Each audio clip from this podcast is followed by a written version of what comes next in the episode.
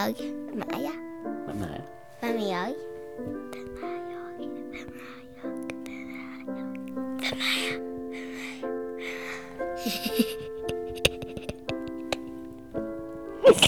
Vem är jag? Varmt välkommen till ett nytt avsnitt av podcasten Vem är jag? Den här gången möter jag Daniel som under många år var en del av den svenska nationalsocialistiska rörelsen. Jag ringer upp Daniel för ett samtal om hur lätt en människa kan hamna i fel kretsar under en period i livet då man är som mest formbar. Vi talar också om hur Daniel blev en del av det som senare skulle kallas Sveriges första terroristrättegång och hur han tog sig ur det destruktiva mönstret och idag lever ett så kallat normalt liv.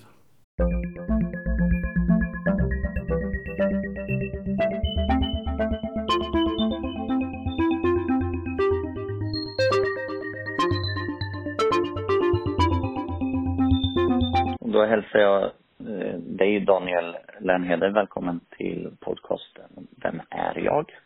Tackar. Du är före detta nazist, eh, numera avhoppare och eh, föreläsare. Precis. Och det är den presentationen jag tänkte ge av dig. Sen så får du gärna berätta lite mer om, om dig själv. Jag tänker lite kring vem du är, vart du kommer ifrån och sådär. Ja, absolut. Eh, En kille på 30 år med eh, två barn. Eh, Bor utanför Göteborg för tillfället. Eller ja, jag lär ju bli kvar här nu när jag har barn. Mm. Eh, Uppvuxen i Uppsala i ett område som heter Gottsunda. Mm, Jag bodde i 12 år tills jag flyttade till min mamma som bor ute på landet. Okej. Mm. Ehm, ja, så drev vi runt i Uppsala och Stockholm med olika nationalsocialistiska grupperingar. Just det. Eh, och det, det- alltså, det är lite märkligt för mig så att säga. Eh, jag har varit i Gottsunda och det är ett väldigt eh, invandrartätt eh, område, eh, förort till Uppsala. Hur, hur kommer det sig att du hamnade i, i de här andra nazistiska, eh, nationalsocialistiska eh, umgängena så att säga? Jag hade en kompis vars eh, brorsa var skinnskalle som vi började umgås med och vi tyckte klädstilen och det var snygg. Och så, eh, ja, började vi umgås med han och hans kompisar och då var det mycket fylla och politik och musik och när man är i den unga åldern så är det väldigt lätt att forma. Så vi Mm. hörde ju deras propaganda väldigt mycket och till slut så satte sig åsikterna hos oss också. Just det. Hur gammal var, hur gammal var du då? Eh, Runt 12-årsåldern när jag började umgås med dem. Okej. Eh, och då var det först och främst eh, skinnskallekulturen alltså. Ja, men precis. Och egentligen för klädstilen. Fast, ja. Ja, från början. Mm, men jag förstår det där, om man matas med ett budskap hela tiden så, så händer det väl något och speciellt som du säger när man är i den åldern. Ja, då, då fastnade det väldigt eh, snabbt och enkelt. Var det så också att, du- att ni kanske, eller jag antar det, att ni såg upp till de här äldre killarna då? Ja, men självklart. Det, det var ju häftigt att vara med de äldre och, och få ta del av vad de gjorde. Mm. Hur, hur, blev det sen då? Hur, hur gick det vidare? Det blev ju att vi började organisera oss mer. Vi kom i kontakt med eh, NSF som fanns och Na- Det är nationalsocialistisk front va? ja men precis. De, inte finns, kvar nu. de finns inte kvar längre. Nej. Nej. Eh, Så vi umgicks ju med dem och så försökte vi även kontakta Nationaldemokraterna för att få en lokalgruppering i Uppsala. Mm. Det fanns ju inte där, men det, vi försökte men det gick ju som det gick. Inte alls. Inte alls. Nej. Hur kommer sig det då? Det, intresset var lågt. Jag har lyssnat på lite lite intervjuer från verkligheten i P3 med dig. Mm.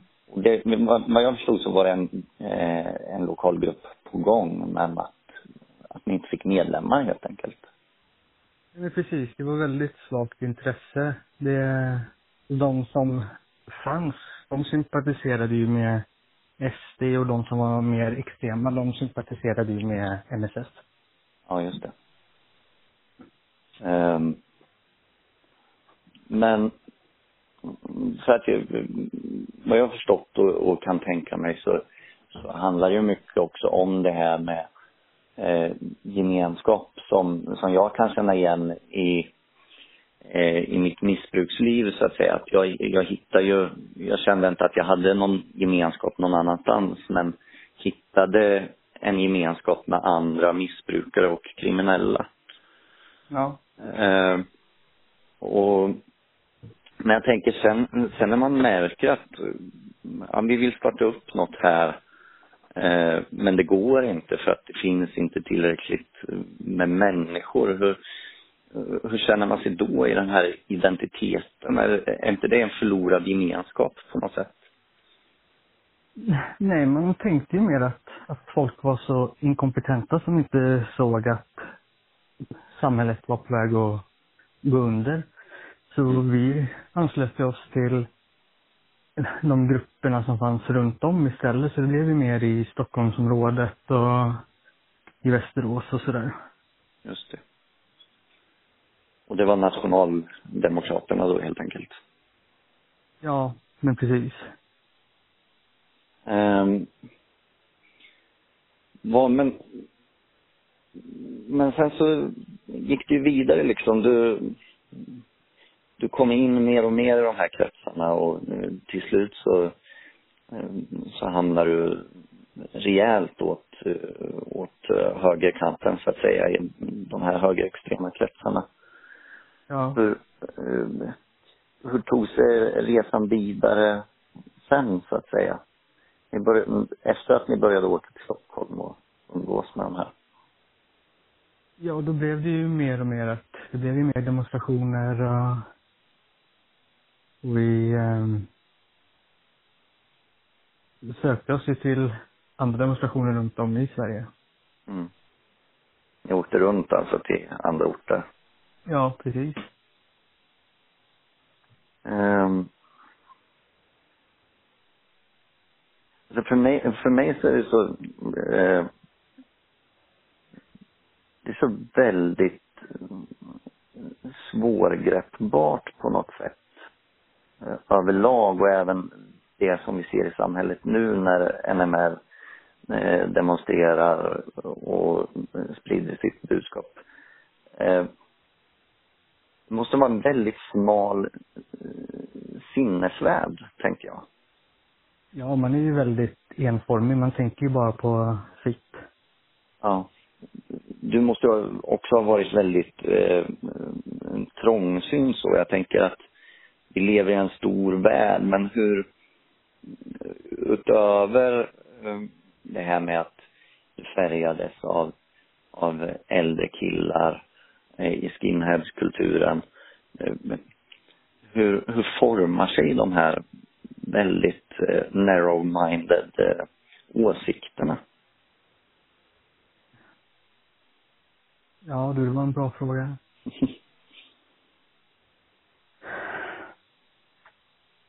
Jag har faktiskt inget bra svar på det just nu. nej, nej. Um, för, för mig så handlar det om att, alltså det här, den, den överlägsna ariska rasen och eh, andra människor är helt enkelt eh, mindre värda. Ja, men absolut, så är det man tyckte. Det, Mm. alla, alla vita var ju mer överlägsna, men de som inte tyckte och tänkte som oss var ju förrädare och underlägsna. Mm, mm. Men sen i, i den här grupperingen så, så började ni, ni började skriva ett eh, manifest som handlade om hur ni skulle eh, ta över Sverige helt enkelt, göra en revolution som jag förstod det. Kan du berätta lite om det manifestet först, vad det, det gick ut på? Det var några olika punkter.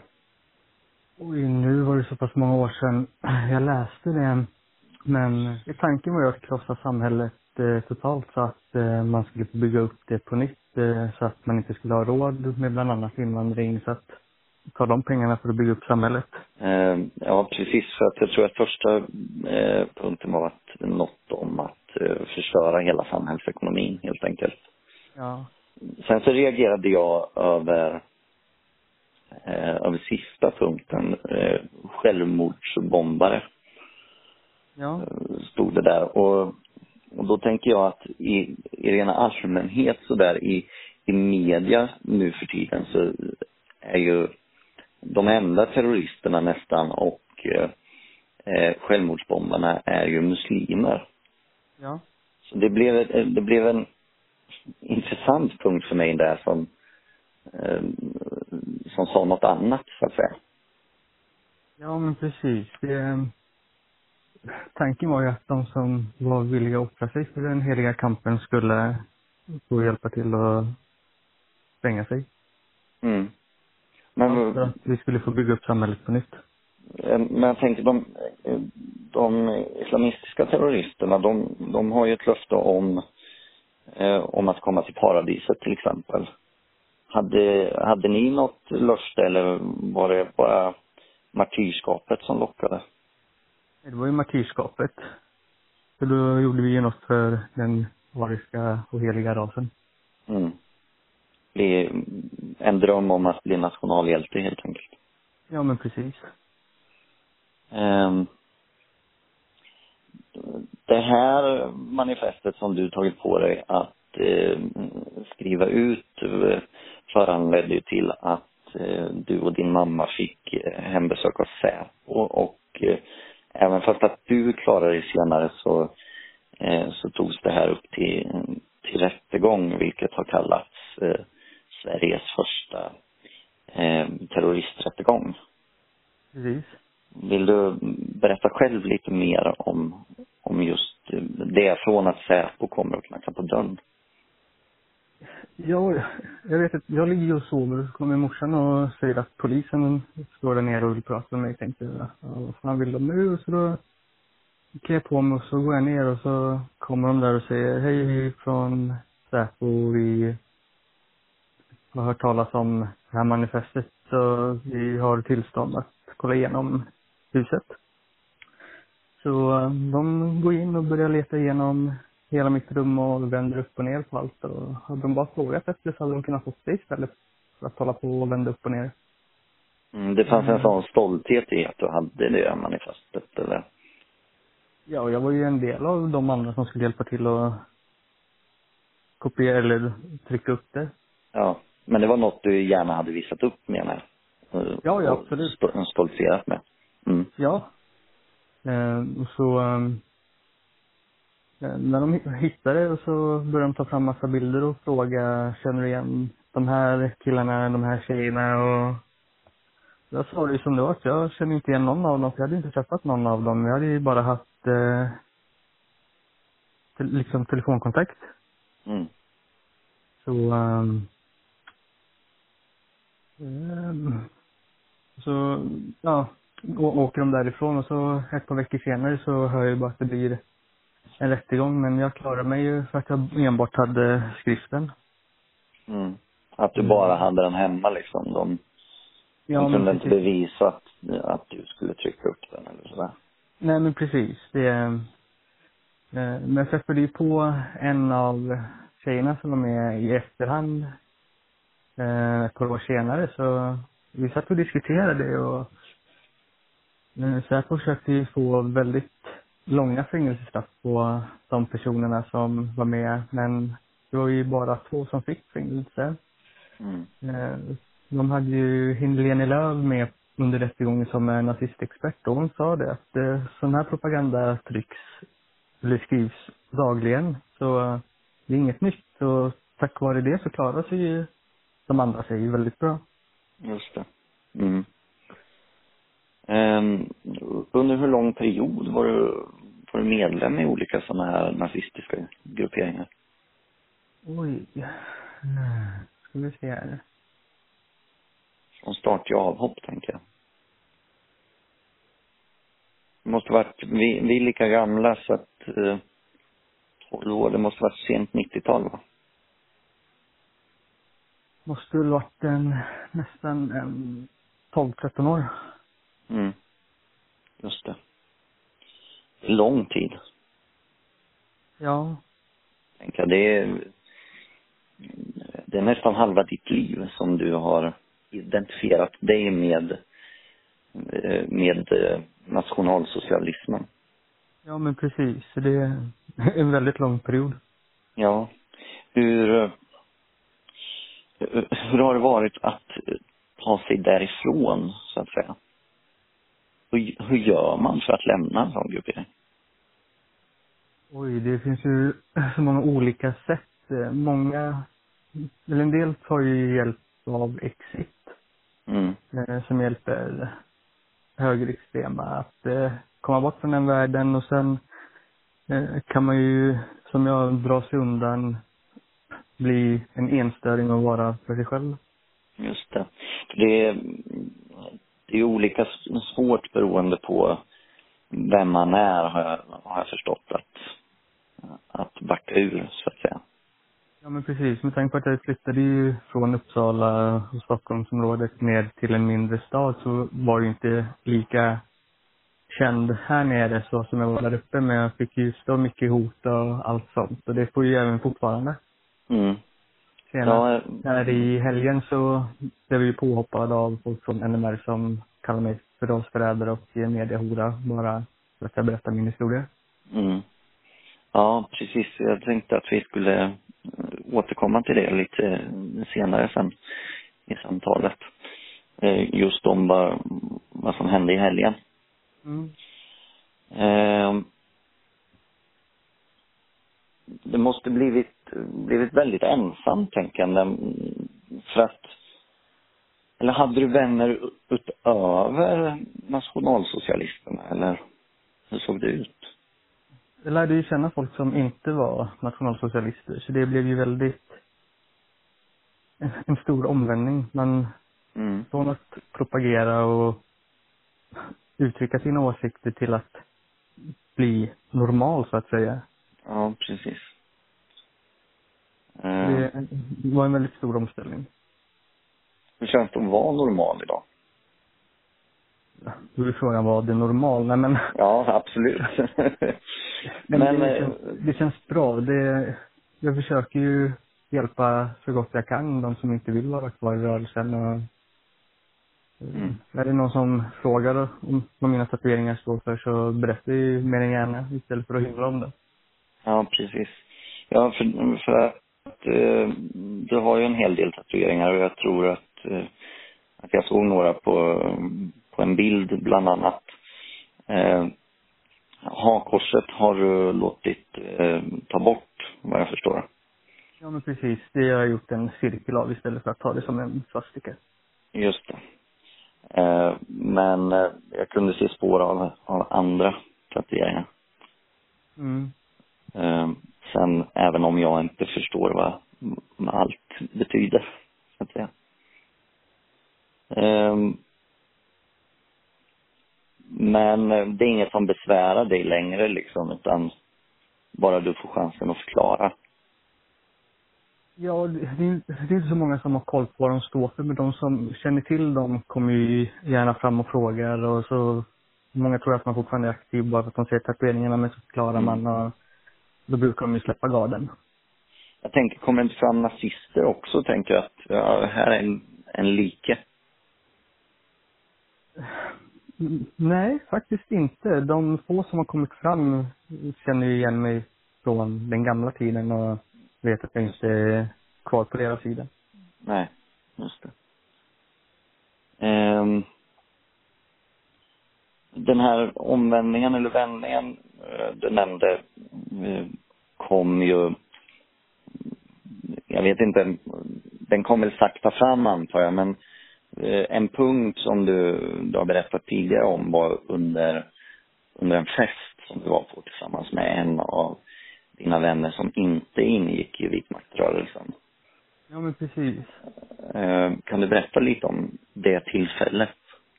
Ja, han frågade om vi skulle dra iväg och grilla med lite kompisar. Jag tänkte, ja men visst, varför inte? Jag tänkte att det skulle vara våra gamla barndomsvänner och våra vita vänner så att säga.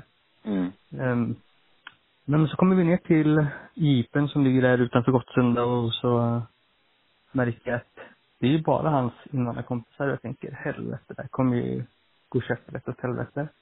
Mm. Um, nej, men jag tänkte, ja, jag har ju lovat honom att jag ska vara med så vi går dit och de hejar på honom och de hejar på mig och jag tänker att snart kommer det väl ett slag i huvudet eller något men de sa det att vi vet vem det är, vi vet vad det står för men det skiter vi faktiskt i idag. Vi är här för att grilla och ha trevligt. Um, och så var jag ju ändå på min vakt och så kom det ju fram folk och började prata liksom film, sport och allt möjligt så jag tänkte, men jag svarar och börjar diskutera och vi hade ju bra konversationer och så, man, så upptäckte vi mer och mer att de var inte så farliga så som jag alltid gått runt och trott. Nej. Eh, nej, och det måste väl varit en chock också. Jag tänker eh, när de välkomnar så och säger att vi vet vem du är och vad du står för men vi, vi bryr oss inte idag. Oh ja, det var, det var en stor chock. Jag tänkte ju liksom hela tiden att det kommer komma ett basebollträ eller något i huvudet liksom. Ja. Nej, för att det är också något som jag kan relatera till fast i ett helt annat sammanhang när jag, när jag kom in i de slutna rummen för, eh, för missbrukare att det var ett, ett välkomnande och ingen som tittade snett på en längre. Ja. Eh, och att, att nu i efterhand också när jag berättar om, om mitt liv att de flesta par är faktiskt ganska ganska bra. De ser den här förändringen som, eh, som man har gått igenom också på något sätt och, och kanske fortfarande gör. Jag vet inte, jag, jag brottas ju fortfarande med mitt gamla liv så att säga och, och den ansvars, ansvarslöshet som följde med det och värderingar som jag också skaffade mig i, i missbruket som, som jag inte känner för idag men det är ändå något det ligger ju där fortfarande någonstans, tänker jag. Ja. Är det något som du, du kan känna igen dig i på något sätt? Ja men absolut. Det, ibland kommer ju de gamla åsikterna upp liksom. Man kan gå och så bara ingenstans, vad fan tänkte jag på nu? Mm. Så bara, men det där står ju inte för längre, men vad kom det ifrån ibland? När man står och diskar eller något så liksom står man och nynnar på något och så kommer det så liksom någon sån gammal vitmaktmusik. Man bara, men vad, vad fan, Mm. Varför börjar jag sjunga på den? Jaha. Det är ju sånt som man har hört så många år och som man vet, har man stått och diskat så har man ju alltid haft musik på och det är så bara, det är bara från ingenstans så bara dyker upp. Mm. Nej. Jag känner igen det och mitt missbruk varade ju i ungefär tio års tid. Eh, och att att det kan komma som en blixt eh, från, från klar himmel sådär. Någonting, något tankemönster eller så som, och det är ju ändå något som, som man levt med väldigt länge, som sagt. Ja. Uh, när, när flyttade du ner till, till Göteborg och lämnade Uppsala, Stockholm och, och rörelsen? Det måste vara en jag flyttade ner hit, kan det vara en åtta år sedan. Mm. Just det. Det, det är en tid som, som du har haft på dig att, att formas till den du är idag åtminstone. Ja, men precis. De, de här skeva idealen som vi ändå pratar om som, som både du och jag har haft då, eh, fast på olika sätt. Eh, vad, vad känner du inför dem idag? Jag tar avstånd för dem totalt idag.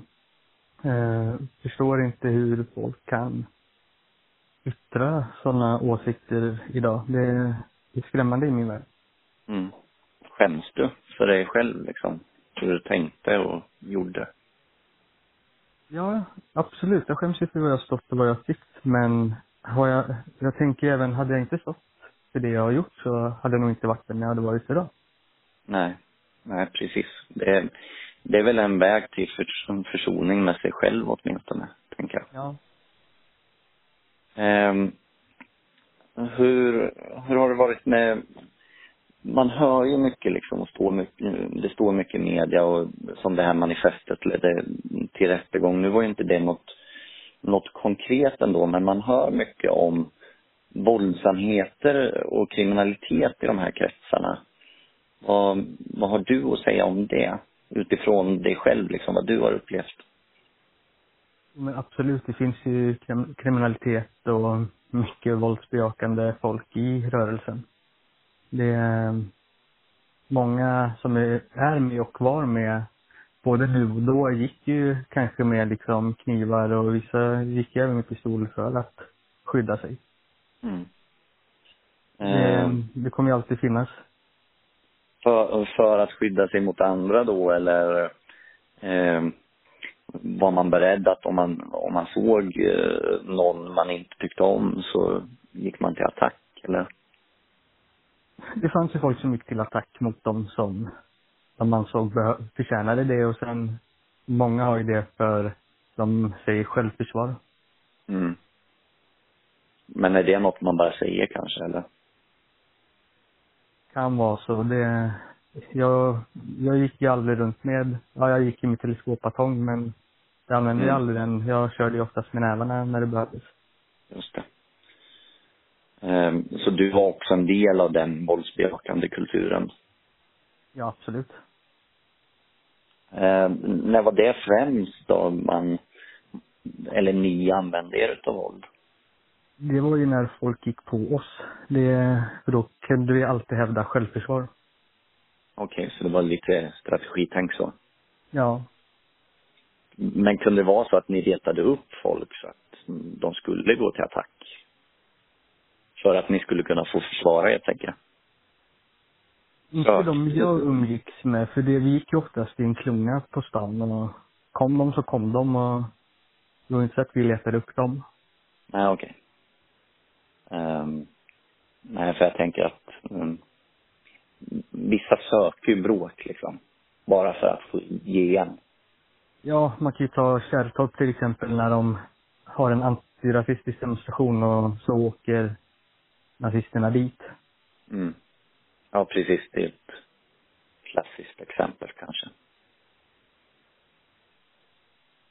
Ehm, men jag tänker vi hoppar fram till, till idag eh, och så börjar vi med vad du gjorde i helgen. Berätta lite.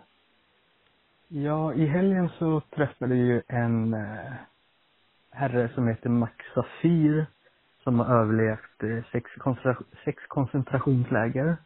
Mm. Eh, han höll ett litet föredrag för politikerna i kommunen och så hade han och jag ett samtal sen med, eller inför folk som ville lyssna.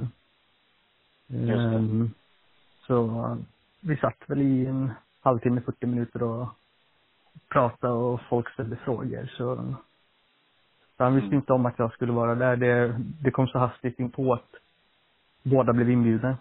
Okej, och så, så blev det lite spontant sådär.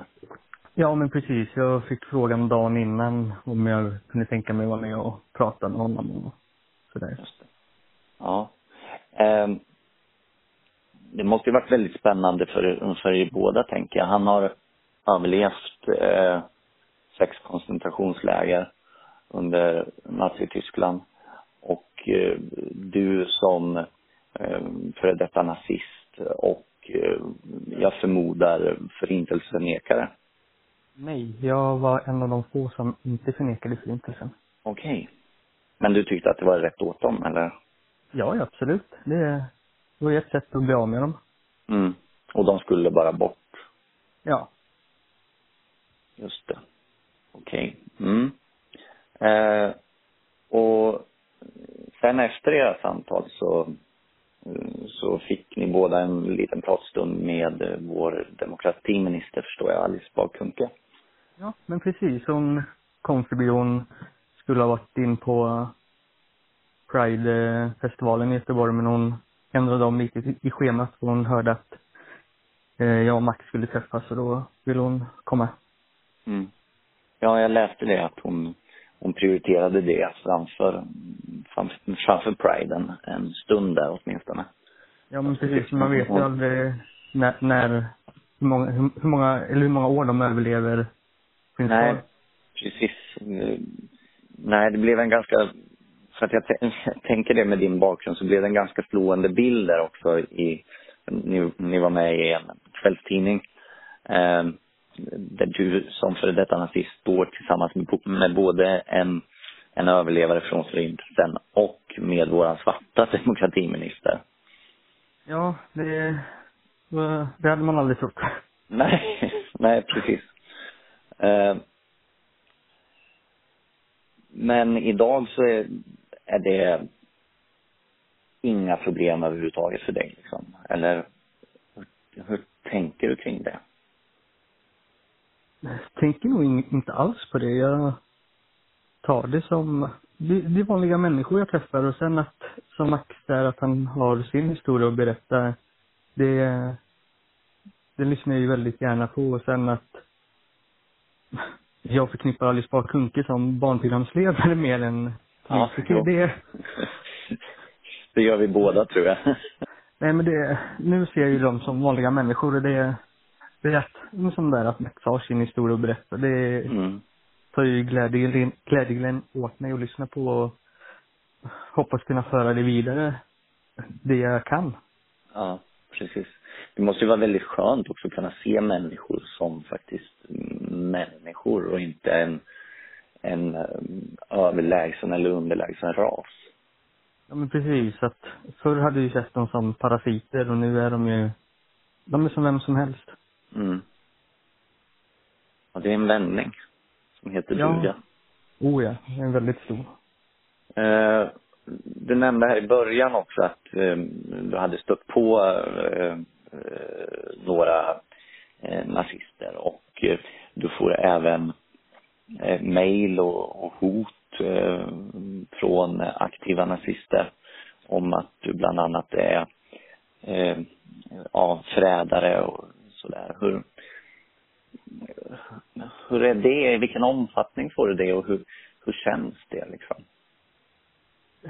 Det går ju periodvis. Nu har det ju varit lugnt ett tag förutom nu i helgen då, där de tyckte jag var en fosterlandsförrädare och en mediahora som gråter ut.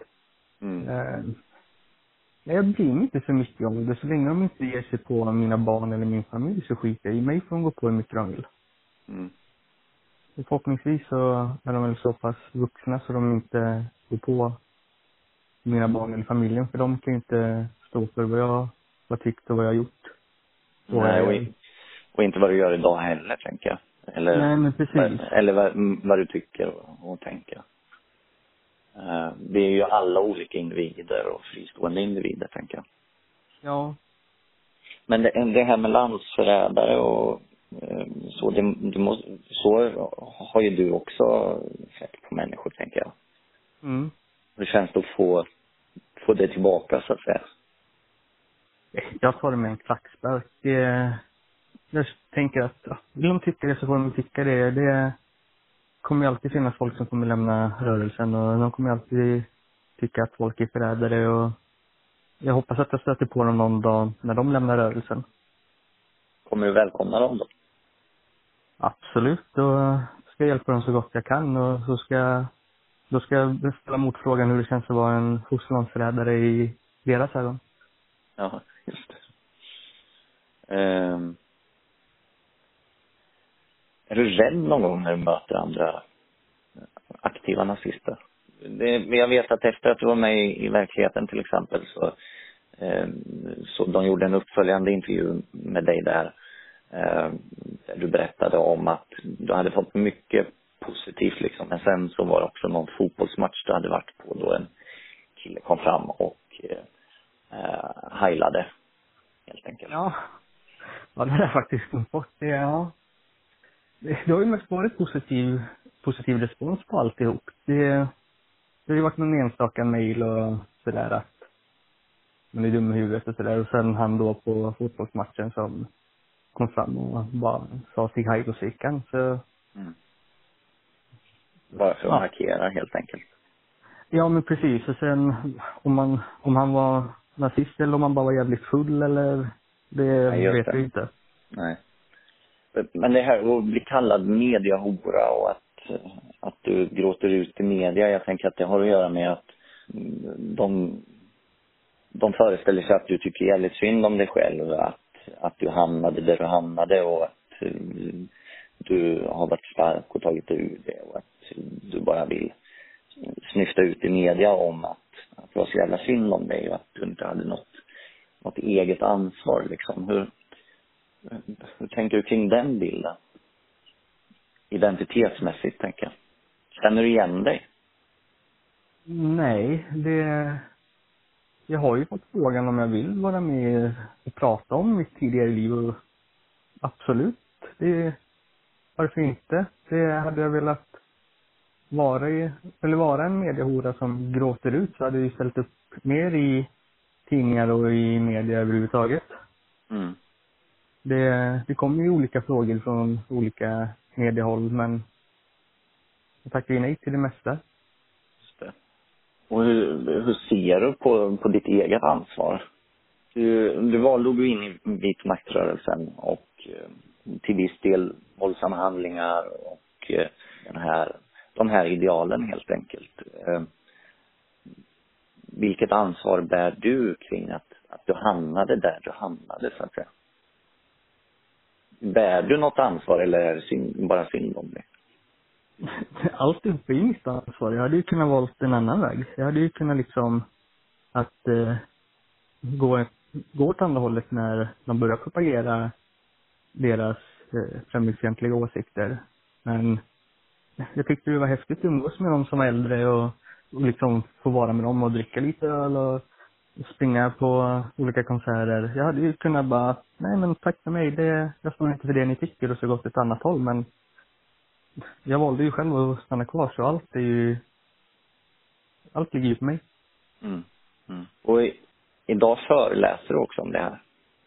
Mm, Jag ska börja föreläsa här i höst nu med en kvinna som heter, eller en tjej som heter Tatjana Håkansson som är adopterad ifrån Brasilien och eh, vi kommer ha lite blandat om adoption, eh, rasism, eh, kommer min del in, eh, min uppväxt och eh, nynazism och sådär. Så det kommer bli en väldigt blandad och spännande föreläsning. Det, hon hade ju hört programmet i verkligheten i P3 så tog, vad kan det ha tagit, två dagar efter det hade sen så fick jag ju ett mejl från Sigge Dabrowski som frågade om, om jag ville ha kontakt med henne och jag tänkte, ja varför inte så, så ja, tredje, efter tre dagar då så pratade vi och så träffades vi knappt en vecka senare.